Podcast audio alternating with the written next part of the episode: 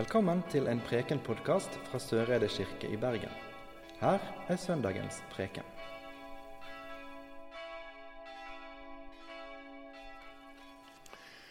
Det var en ganske stor overgang å komme fra ei lita bygd inn i Fusa til Oslo som student. Og Jeg begynte på Menighetsfakultetet og gikk der noen år. og Det gikk nå litt opp og ned med alle disse språkene vi skulle lære, og alt. Um, og Etter hvert ut i studiet så begynte jeg å bli ganske frustrert.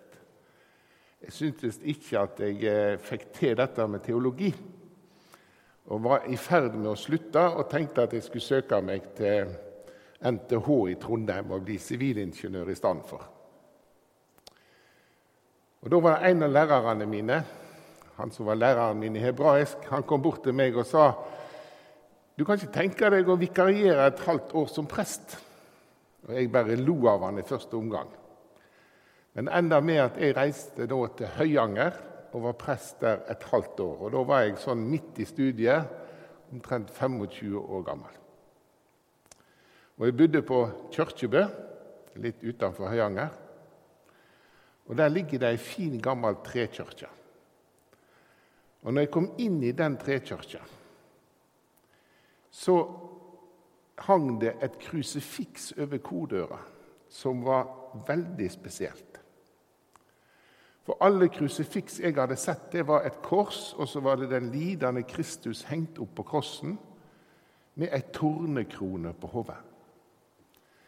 Men i, høya, i, på Kyrkjebø der var det et krusifiks der Kristus hang på krossen, men han hadde ei kongekrone oppå hodet sitt. Og De fortalte meg at det krusifikset var veldig gammelt. Seinere har jeg undersøkt, og det krusifikset må ha vært lagd før år 1250.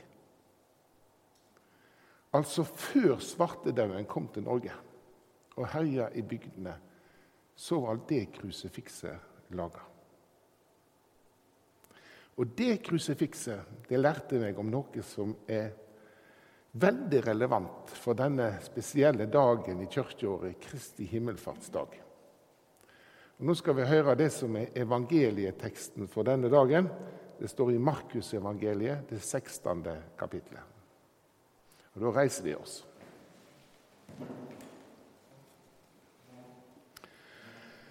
Etter at Herren Jesus hadde sagt dette til deg, ble han teken opp til himmelen og sette seg ved Guds høgre hand. Men de gikk ut og forkynte alle steder Herren sjøl var hos dem og stadfesta ordet med de teikna som følgde med. Slik lyder det hellige evangeliet.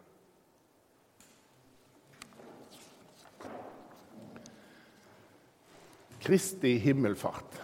Ja, det er uttrykt på så mange forskjellige måter, men innholdet i fortellinga er jo på en måte den samme. Jesus er der med læresveinene sine. Og så mens de er der, så ser de plutselig Jesus fare opp til himmelen.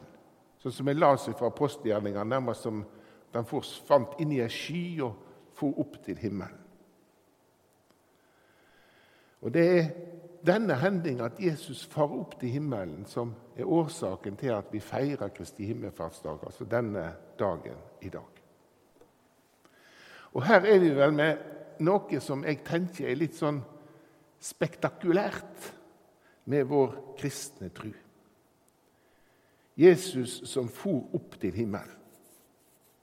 Og Her tror jeg òg det ligger mange sånne folkelige forestillinger forankra om at himmelen er der oppe. Og det motsatte av himmelen det må jo være det der nede. Og Dette har levd på en måte sånn i, i folketrua òg som sterke bilder og forestillinger opp gjennom tida. Men jeg tenker Kristi himmelfartsdag har med seg to viktige ting. To viktige perspektiv å ta med seg videre. Den ene fortellinga er om Jesus som nå går tilbake til Faderen og blir det en del av den guddommelige treeninga. Det andre er understrekinga av Kristus som konge. Først litt om dette at Jesus går tilbake til Faderen.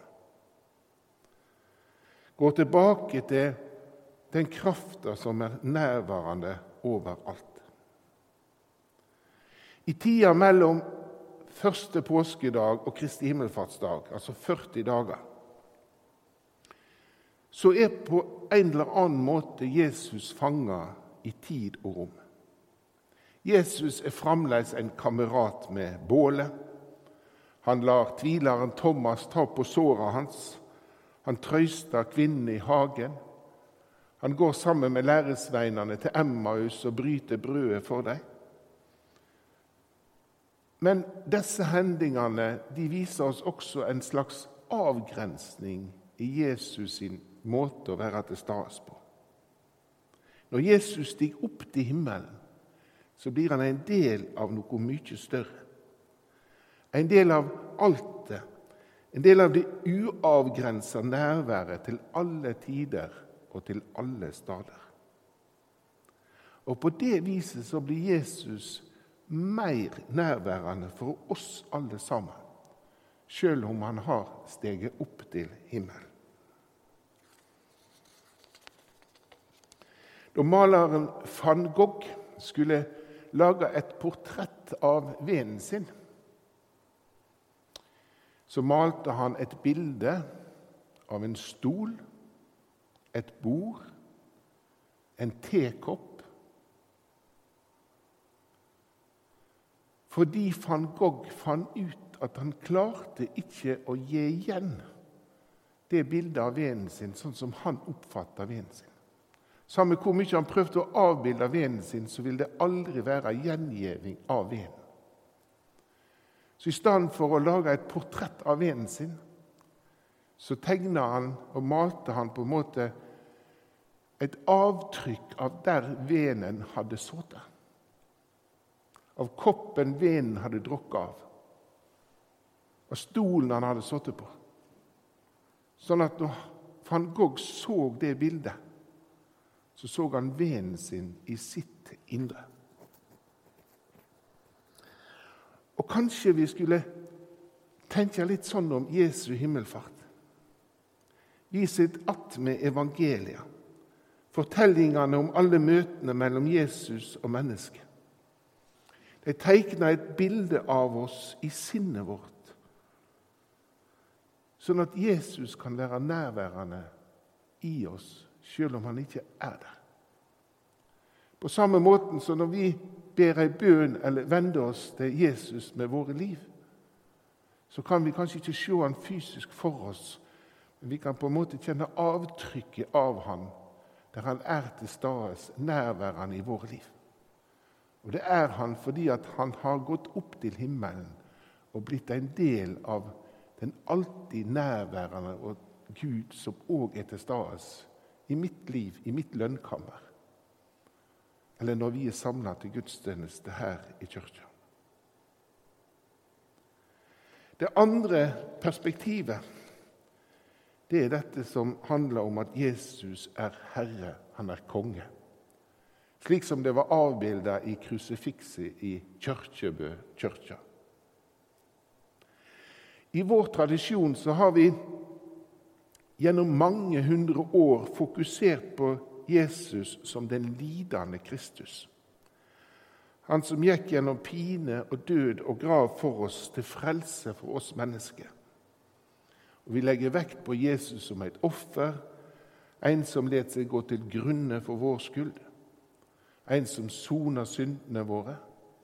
Vi har mange sterke bilder og bildebruk om blodet og lammet, både i salmene våre og i tradisjonen vår. Men Kristi himmelfartsdag han legger tyngdepunktet en annen plass. Kristus er den som sigrer. Det er han som er konge.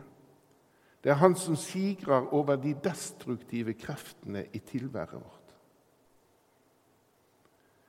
Og Gjennom livet så møter vi mange ulike utfordringer.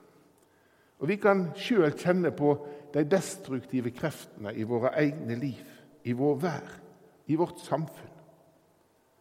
Men nett fordi Kristus er konge, Kristus sigrer, er de destruktive kreftene i tilværet nedkjempa en gang for alle.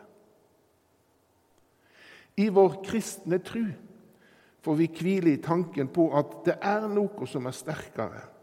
Det er noe som skal sigre til slutt. Det er noe som skal vinne når det endelige oppgjøret kommer. Og da skal alt det vonde være nedkjempa. For Kristus er konge. Kristus har sigra.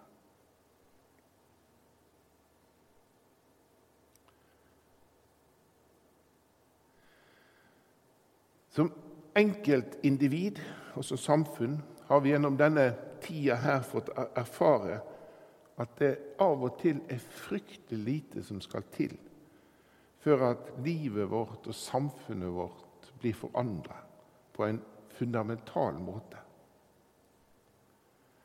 Men denne tida har også vist oss at håpet er der. Barn som tegner regnbuer og henger opp i vinduene i huset og sier at alt skal bli bra. Kristi himmelfart kommer med et mye større perspektiv enn en regnbuetegning i vinduet. Den gir oss et håp som generasjoner før oss, ja, sjøl gjennom svartedauden, så eide de trua på at Kristus skulle være konge. Han skulle sigre til slutt. Det har gjeve livsmot, og det kan gi livsmot også i urolige tider. Så Kristi himmelfart, det handler om den Kristus som er nærværende. Fordi han er en del av det store. Den store, nærværende Gud i vårt tilvære. Og Kristi himmelfart, den tegner bildet av oss, for oss at Kristus er konge. Han skal sigre over de vonde kreftene i tilværet. Ære være Faderen og Sønnen og Den hellige ande, som var, er og være skal, en sann Gud fra evig og til evig. Amen.